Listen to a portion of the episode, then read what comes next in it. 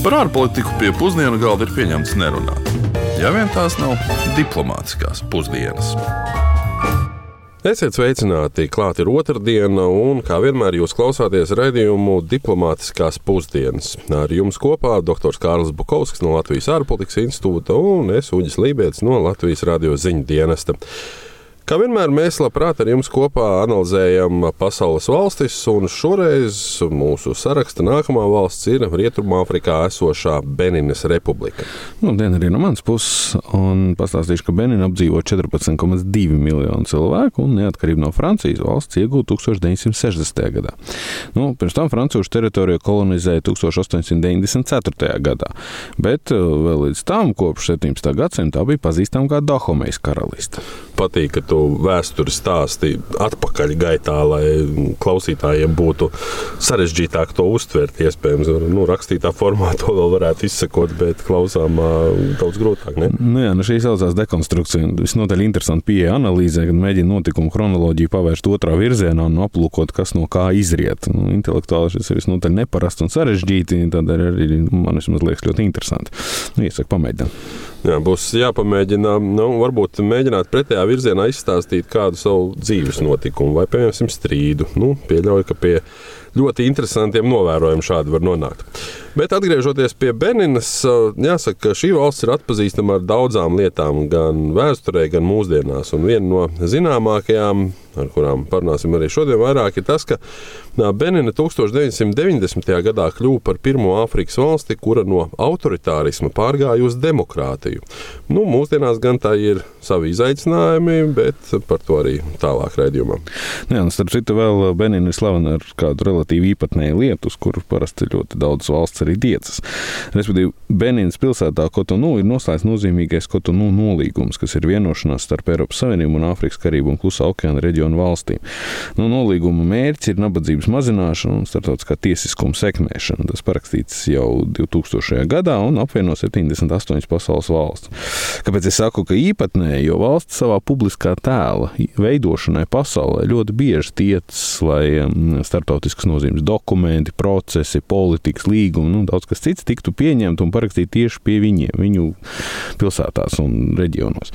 Jo tas attiecīgi būtiski uzlabo valsts zīmolvedību vai brandingu. Un iedomājieties, ka kādu dienu būs teiksim, Rīgas līgums, kurš līdzīgi kā Romas, Maastrichtas, Lisabonas līgumiem apzīmēs vietas, kur pieņemt lēmumu par un ar vēsturiskiem procesiem. Nu, vai, piemēram, Stambuls konvencija ar to arī līdzīgi. Mums ir daļai politiķu gan šis līgums gaužām nepatīk, bet vienlaicīgi to ir parakstījuši 37 valstis un arī Eiropas Savienība. Bet par Kotonu tomēr atkal runājot, Beninas galvaspilsēta ir Porto Novo, kas ir konstitucionālā galvaspilsēta. Tomēr valdības Valsts institūcijas atrodas iedzīvotāju skaita ziņā apmēram trīs reizes lielākajā Kotonu pilsētā, kuras vietējā fonu valodā nozīmē tā, kas atrodas pie nāves upes. Bet tagad gan paklausīsimies, ko par Beninu stāstīt ir zinājuši Latvijas radio klausītāji šeit pat Rīgas ielās. Par to ir parūpējies Ulris Česbergs. Valsts Benina ir dzirdēta? Nu, dzirdēt, ir, bet sīkāk nevarēšu neko pateikt. Nekas nenāk prātā. Nē, esmu dzirdējis par Beninu. Nu, arī uz Āfriku, jo tas ir tas, parasti, par kuru vismazāk mēs zinām šeit, un es tā skaitā. Arī varētu būt Āfrika, izklausās to pusi. Nu, arī kaut kur Āfrikā varbūt. O, es laikam pat neesmu dzirdējis. Dzirdēts ir kaut kas ar šeihiem. Nu, man, man tā kaut kā šķiet. Tas, ka tieši Beninā ir noslēgts slavenais Kotonu nolīgums cīņai pret nabadzību, ir arī visnotaļ likumsakarība, jo Benins ekonomika ir uzrādījusi konsekventu kāpšanu ārā no galējas nabadzības. Nu, respektīvi, IKP uz vienu iedzīvotāju pēc pirktspējas paritātes ir nepilni 4,5 tūkstoši eiro, kas ir apmēram 8 reizes mazāks nekā Latvijai. Bet, kas ir svarīgi, 30 gadus atpakaļ Benins rādītājs bija apmēram tikai 1000 eiro. Nu, tas tikai nozīmē to, ka Benīnas ekonomika ir konsekventi augusi. Nabadzība arī mazinās, nu, lai arī, protams, tam traucē sociāla ekonomiskā nevienlīdzība valstīm. Ekonomisko izaugsmi gan ir sekmējuši ārvalstu investoru ieguldījumi, kam pamatā ir arī demokrātiskā valsts pārvalde. Nu, kā mēs redzam, viens process veicina otru. Mm. Nu, valsts ražošanas bāze gan turpina balstīties lauksaimniecībā un produktos ar zemu pievienoto vērtību. Jā, šis principā nozīmē, ka Benīnas gadījumā lauksaimniecības sektors, un sevišķi kokvilnas audzēšana, ir būtiskākais Benīnas ekonomiku veidojošais sektors. Kokvilnas eksports veido apmēram 4 piekdaļas no kopējā visas valsts eksporta, un gandrīz 30% valsts eksportā veido tieši eksports uz Bangladešu. Un tāpēc jautājsiet, kāpēc? Nu, tad pavērojiet savas drēbes un redzēsiet, kur tās ir ražotas. Un Bangladeša ir viens no lielākajiem tekstilu rūpniecības sektoriem pasaulē, valsts, kurā ražo visvairāk drēbju. Tur, starp citu, arī ļoti bieži ir jāpievērš uzmanība, ka, ja kādai valstī ir pēkšņi slikta reputācija apģērbu ražošanā, tad šīs šiltītes nomainās diezgan bieži. Mm. Bet papildus Benina arī eksportē jamus, kā mēs noskaidrojām, kas ir līdzīgi kartupeļiem, kaut kas tam līdzīgs. Un Indijas riekstus no valsts arī skaitās 4. un 5. vietā šo produktu eksportā. Pauloieļas eksports, rīsu, ananāsu, citu produktu audzēšana ir tikai papildus aspekti nu, jau minētajai kokvilnas dominancei. Nu, kā jau mēs runājām par to, ka viena lieta veicina otru, vai tieši otrādi neveicina, tad šeit mēs varam teikt, ka intensīvā lauksaimniecība faktiski traucē valstī straujāk izkārptīties no nabadzības, jo šie lauksaimniecības produkti ir ar zemu pievienoto vērtību un tie vienkārši netiek apstrādāti. Līdz ar to tiem ir liela konkurence pasaulē, un tas arī nozīmē, ka zemes cenas un kapitāla uzkrāšanās vienkārši nevar notikt ātrāk. Jā, tāpēc rezultātā tiek rēķināts, ka vairāk nekā 4 miljoni miljoni Benīnas iedzīvotāji, trešā daļa ir izbraukuši no valsts un dzīvo kaimiņu valstīs.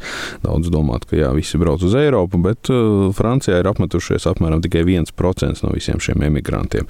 Bet kas būtiski, tad Benīnā palikušie bērni ļoti bieži tiek nodarbināti smagos un tiem pilnīgi nepiemērotos darbos, tostarp arī derīgo izrakteņu raktuvēs un karjeros. Ekonomiskās darbības rezultātā valstī arī trūkst dzeramā ūdens, jo esošais ūdens ir netīrs. Dzīvnieku sugu izmiršanu veicina malu medniecība, meža platības strauji samazinās un palielinās tūkstnešu platības. Nu, valsti vēl iedragāja arī Covid pandēmija, kas veicināja ļoti izteiktu kapitāla aizplūšanu. Sevišķi jau tā nu, jau tā mazattīstītajā banku sektorā. Starp citu, Benīnas valūta, kas ir Rietumāfrikas franks, ir piesaistīts eiro. Par šo valūtu ko lieto astoņās valstīs, mēs esam runājuši arī iepriekš, bet eh, piesaist eiro tādēļ, ka eksportam uz Eiropu ir būtiska valūtas vērtība, nesvārstās un ienākumi arī ir stabili. Un visbeidzot, multietniskajā Beninā, kurā atrodams ap 55 valodām, ir arī viena no jaunākajiem iedzīvotājiem pasaulē. Proti, divas trešdaļas cilvēki ir vecumā līdz 25 gadiem. Nu, bērnu un jauniešu. Dzimstība valstī 30 gadu laikā ir samazinājusies no septiņiem bērniem uz vienu sievieti uz pieciem ar pusi bērniem uz vienu sievieti. Nu, tas statistiski, protams. Vidējais iedzīvotāju vecums valstī ir 17 gadi, un tā ir starp desmit pasaulē jaunākajām valstīm iedzīvotāju dzimumu vecuma struktūras ziņā. Un te būtiski piezīmēt, ka Beninā vecums, no kura var doties vēlēt, ir 18 gadi. Bet te var būt izņēmumi, jo, piemēram, cilvēki, kuri ir piedzīvojuši oficiālu bankrotu, nav tikuši atrisinājuši savas ekonomiskās problēmas, nu, piemēram, tiem nav tiesību balsot. Tāpat kā tie, kuri ir arestēti vai apcietināti. Nu, vēl interesantāk, vēlēšanās kandidātiem ir jābūt vecākiem par 25 gadiem. Nu, tā kā mēs visus tos rezumējot, varam teikt, ka divas trešdaļas valsts iedzīvotāji automātiski nemaz nedrīkst kandidēt. Jā, un vienlaicīgi Benīnas valsts ir slavena kā viena no demokrātijas oāzēm Āfrikā. To jau sākumā pieminēja, tieši tāpat kā pieminēja arī to, ka savulaik tā saucās par Franču Dahomeju un Benīnas Tautas Republikas nosaukumu oficiāli nomainīja 1975. gadā par godu Benīnas līcim. Un to izdarīja marksistu leņinistu militārā apvērsuma vadītāji. Un, uh, brūkot komunistiskajā pasaulē 1990. gada mijā sabruka arī šī Maķie Keriku vadītā valdība. Kā jau minējām, Benīna ne tikai kļuva par pirmo Āfrikas valsti, kur miermīlīgi pārgāja uz demokrātiju no diktatūras, bet tā ir arī pirmā, kurā notika brīvas daudzpartiju vēlēšanas. Pēc vairākām vēlēšanām kopš 2016. gada valsti vada Patris Stalons, kurš tika pārvēlēts arī 2021. gadā. Talona personīgā vēsture gan ir visnotaļ interesanta. Viņš ir pēcnācējs afrikāņu vergturiem un vergu tirgotājiem. Savas bagātības viņš ir uzkrājis jau minētajā kokvilnas industrijā, un viņa īpašuma vērtība tiek lēsta virs 350 miljoniem eiro, kas viņu padara par vienu no Āfrikas bagātākajiem cilvēkiem. Starp citu, ar šo prezidentu ir saistīts arī kāds diezgan interesants diplomātisks incidents, jo 2019. gadā no valsts tika izraidīts Eiropas Savienības vēstnieks, vācietis, ja nemaldos, pēc tautības, kurš bija aktīvi aicinājis dažādas nevalstiskās organizācijas piketēt un protestēt pret prezidenta talonu atrašanos pie varas. Jā, tas taisnība, bet vēl detalizētāk par Benīnas demokrātiju un demokrātijas izaicinājumiem Āfrikā mēs lūdzam mums pastāstīt domnīcas providus direktorei Ivetai Kažokai. Tas, ko mēs redzam pēdējos gados, ir pasaulē tāds plaši pamanāms demokrātijas atpakaļvēlšanās vilnis, kad uh, dažādas autoritāras personības ir sapratušas, ka principā viņas var stūrēt valsti arī vienpersoniski vai ar vienas partijas palīdzību, neķēpājoties ar demokrātiju. Un, um, parasti tas, ko šīs autoritārās personības dara, ir soli pa solim noārta demokrātijas pamatbalstus. Un tas arī ir tas, ko mēs šobrīd redzam Beninā. Ka pirmkārt tiek iznīcināta varas dalīšana un dažādas iepriekš neatkarīgas institūcijas, mēģinot tās uh, visas kontrolēt, tā skaitā tiesas.